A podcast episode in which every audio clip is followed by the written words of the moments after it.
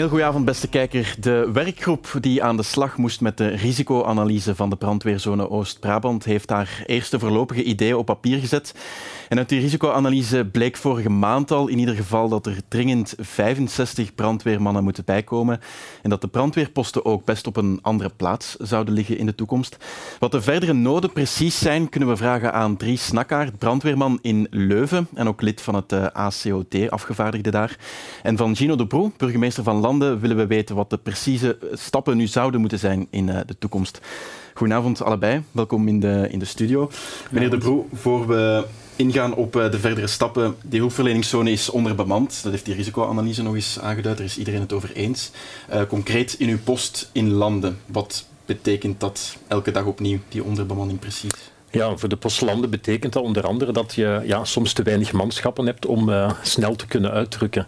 Uh, je kan maar met een autopomp uh, uitdrukken op het moment dat er ook zes mensen aanwezig zijn. Mm -hmm, okay. we hebben in landen ja, onvoldoende vrijwilligers op dit moment. Er zijn een aantal beroeps, vier beroepsbrandweermannen, maar we moeten eigenlijk, om goed te zijn, 50 brandweervrijwilligers hebben. En die vindt u niet? Op dit moment zijn er 30, dus we hebben er 20 tekort op dit moment. En ja, dat heeft een grote impact, vooral overdag, wanneer er ook minder vrijwilligers beschikbaar zijn uh, voor het uitdrukken. En dan moet je soms uh, ja, een beroep doen op uh, andere brandweerposten. Andere. Ja. ja. die dan ook onderbemand zijn, meneer Snakkart. Um, als u even concreet in Leuven die problematiek zou moeten schetsen, wat betekent dat? Wat is het risico voor een inwoner eigenlijk? Wat betekent dat voor een inwoner, die onderbemanning? Ja, er zijn eigenlijk twee zaken die spelen. Hè. Enerzijds merken we dat we heel vaak uh, ter ondersteuning moeten gaan van andere posten. Wat ervoor zorgt dat we eigenlijk dan niet meer de middelen ter beschikking hebben om onze eigen regio uh, te voorzien van ja. de nodige bescherming.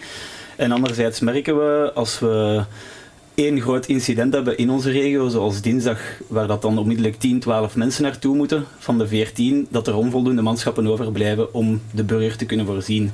En de gevolgen zijn voor in beide situaties hetzelfde, is dat de wachttijd voor de burger langer wordt. Als ja. er een andere post naar onze regio zou moeten komen, dan lopen de wachttijden al vaak op tot 15 tot 20 minuten. Ja, oké, okay, en dan creëer je natuurlijk ook weer problemen ergens anders. Uh, nu, meneer De Broe, hoe, hoe, komt dat eigenlijk? Zijn de, zijn de oproepen toegenomen in landen? Of is er heel wat personeel afgevloeid? Hoe, hoe, waar, van waar komt die nood eigenlijk? Om extra mensen ja, het is inderdaad zo dat er veel meer interventies zijn dan vroeger. Ja. Dat heeft niet alleen te maken met brand. Op zich is het aantal branden die er zijn niet echt toegenomen. Uh, maar zijn er andere interventies die moeten gebeuren. En ja, de andere kant natuurlijk van het verhaal is dat we een gebrek hebben aan vrijwilligers. Het is ook steeds moeilijker geworden om vrijwilligers te vinden. Mm -hmm. uh, er is nog een campagne geweest uh, de voorbije periode. En dan merk je voor landen dat er maar twee kandidaten zijn. Ah, ja, als je twintig vacatures hebt in te vullen en er zijn maar twee kandidaten, ja, dan kom je natuurlijk niet ja. aan voldoende vrijwilligers een, om een permanentie te bemannen. Dat is een moeilijk verhaal. Dan is het eigenlijk in het verleden al eens misgelopen ook? Ja, daar gaan we nooit weet van hebben. Hè. Als wij onvoldoende middelen hebben, dan kiest het systeem zelf de, nabijgelegen, de dichtst nabijgelegen post om hulp uit te sturen. En dan gaan wij eigenlijk van die oproep niks merken. Dus als wij ergens anders bezig zijn, uh, dan weten wij niet als Saventem, uh, bijvoorbeeld Saventem of Tien of Aarschot op ons grondgebied een interventie bezig is. We hebben daar wel wat data over opgezocht en het blijkt wel dat bijvoorbeeld Post Saventem op heel regelmatige basis naar Leuven moet komen voor zijnde een ziekenwagenrit of een kleine brand of een ander incident. Ja, oké. Okay. Nu in Leuven zouden er dan toch uh, brandweermannen uh, bijkomen op korte termijn, of dat is toch wat de burgemeester van Leuven, Mohamed Ridouani, wil. We zijn hem eerder deze week even kort gaan spreken over wat hij vindt wat er met die uh, risicoanalyse moet gebeuren. De risicoanalyse, zoals ik dus al zei, die een maand geleden is voorgesteld op de zoneraad en daar toen toch voor wat uh, vrevel zorgde bij een aantal burgemeesters. Gemeente kan in deze, uh, in dit systeem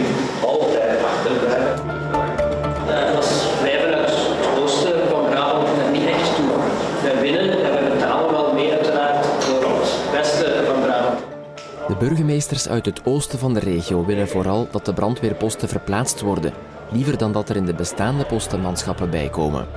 Dit zijn de posten nu, maar de risicoanalyse geeft aan dat de posten beter naar andere gemeenten zouden verhuizen, zodat de brandweer sneller in de gemeente in het oosten en noorden kan zijn. Sommige burgemeesters willen inzetten op de piste van meer manschappen in de huidige kazernes, vooral die in Leuven. Dus die moet zeker versterkt worden, zodat we hier in staat zijn om ten alle tijde een uitdruk te kunnen doen van twee ploegen tegelijkertijd. Dus twee branden tegelijkertijd moeten kunnen geblust worden. De brandweer in Leuven protesteerde al meermaals tegen de onderbezetting. Volgens de risicoanalyse zouden er 65 brandweermannen moeten bijkomen, 36 daarvan in Leuven alles in één keer gaan doen is niet evident. Uh, al is het maar omdat je het nodige personeel moet kunnen vinden uh, op de arbeidsmarkt. Maar er is toch wel een voorstel dat nu uitgewerkt wordt, waarbij we stapsgewijs nog dit jaar aanwervingen doen en uh, in de komende jaren ook nog volop uitbreiden. Met eventueel hier en daar nog de creatie van een bijkomende brandweerpost in onze zone. Wordt allemaal bekeken. Ridouani denkt daarbij aan een post ten oosten van Leuven. Alles is bespreekbaar, maar zelfs bij een verschuiving van posten blijft het tekort aan manschappen een probleem. Op 21 juni is het opnieuw zoneraad. Het belooft nog een pittige discussie te worden. It takes 30 to tango in deze, dus we moeten overeenkomen. Het ene standpunt verschilt al van het andere, maar ik vind dat we toch hierop moeten doorpraten. Ik denk ook dat de analyse aan zich vrij duidelijk is. Je kan echt gaan zien waar de grootste risico's zijn, waar we toch wel echt mensen moeten bijzetten. Wij dragen vandaag al een vierde van alle kosten voor heel de regio, voor heel de brandweerzone. Dat willen we blijven doen, eh, maar we vragen toch van de collega's om ook eh, een billijke bijdrage te doen.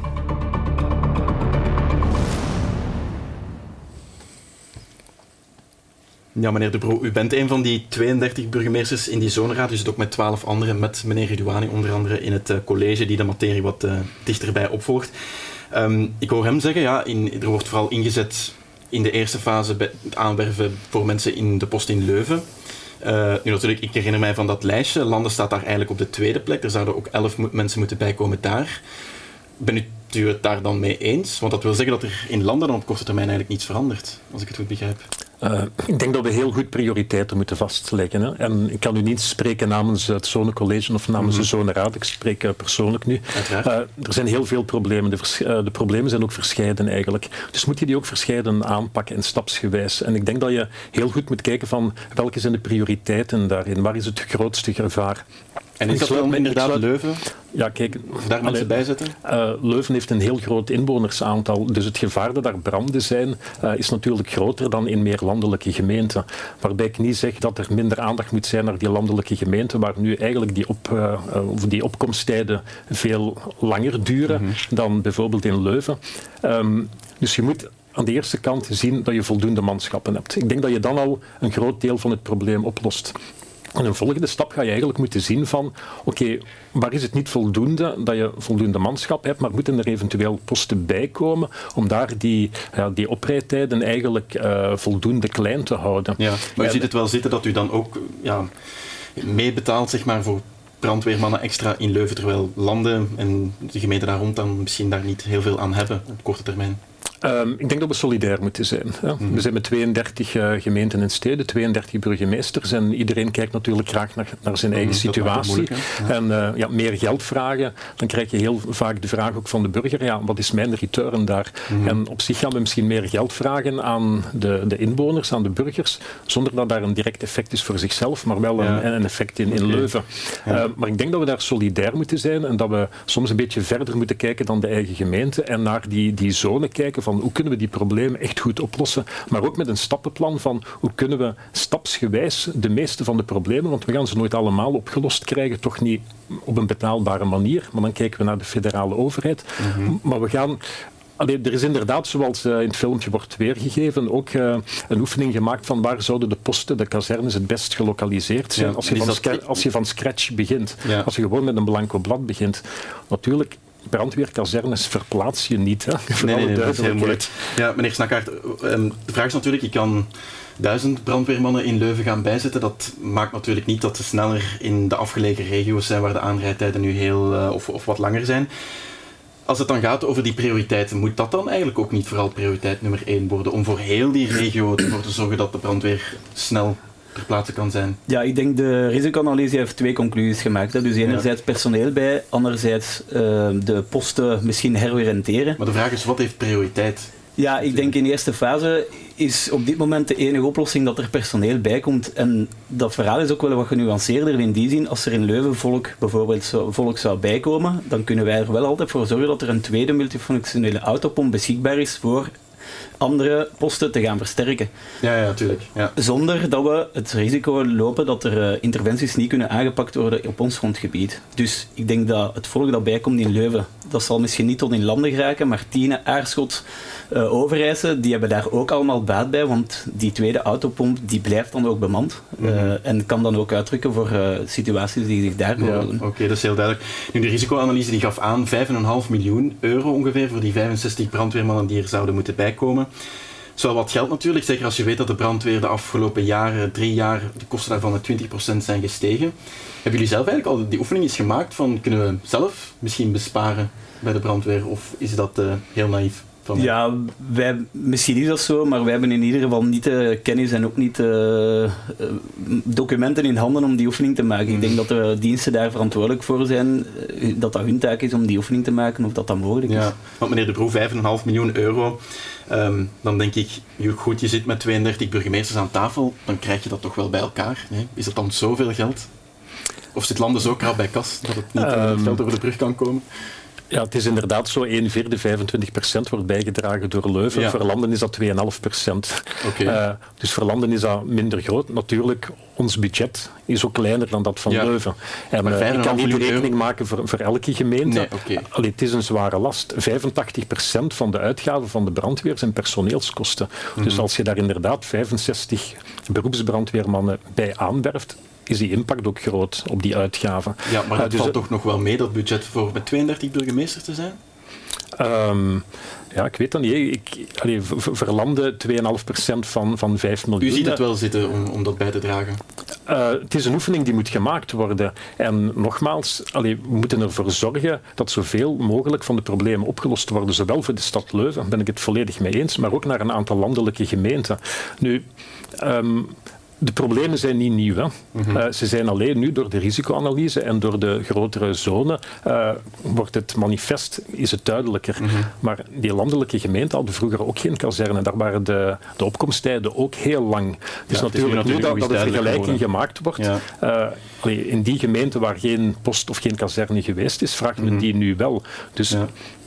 allee, en als er zoveel oneenigheid is, ik vraag me dan af zijn jullie dan eigenlijk nog wel een zone? Want natuurlijk de noden in Pakweg Bekkenvoort zijn misschien ook helemaal anders dan die in Leuven. Werkt die zone eigenlijk? Of is het te groot geworden? Is het te log geworden om snel ja. iets te kunnen beslissen? Um, met, ja, zoals Mohamed daar juist ook aangaf, uh, ja, met 32 ben je natuurlijk met veel hè, om ja, eensgezindheid te, te bereiken. Um, misschien voor een goed werkbare um, uh, bestuur met 32 is te veel, denk ik. Mm -hmm. Dat klopt. Nu, ik heb ook al gezegd, de zone is er. En we mhm. moeten daarmee werken. Dus ik ben ook geen voorstander van uh, af te schalen of uh, de zone kleiner te maken. Ik denk we moeten nu werken met de zone die er is. Er is ook heel veel goed gedaan al uh, mm -hmm. binnen, binnen de zone. Dus daar mogen we ook niet naast kijken. Ja. Alleen zijn er een aantal uitdagingen. En daar moeten we de moed hebben om die ook aan te pakken op een goede manier. Ja, meneer Snakkert, is dat voor jullie eigenlijk efficiënter werken geworden? Sinds een, een achttal jaar zeker dat de zone er nu is? Ja, het is anders. Hè. We begrijpen wel dat de middelen die voorhanden zijn, dat die moeten ingezet worden op zoveel mogelijk plaatsen ja. en dat er moet samengewerkt worden. Maar heeft u dus, de indruk dat het efficiënter is geworden met die zone? Ja, als ik alleen voor mezelf praat, ben ik aangeworven in 2015, dus ik kan daar uiteindelijk geen uitspraak over doen.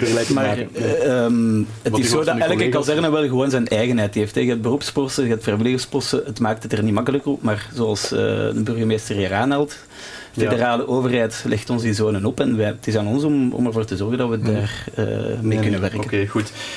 21 juni, dan is het opnieuw zoneraad. Uh, je kan natuurlijk eeuwig een debat blijven voeren en de rekening blijven doorschuiven. Daar heeft een inwoner natuurlijk niks aan.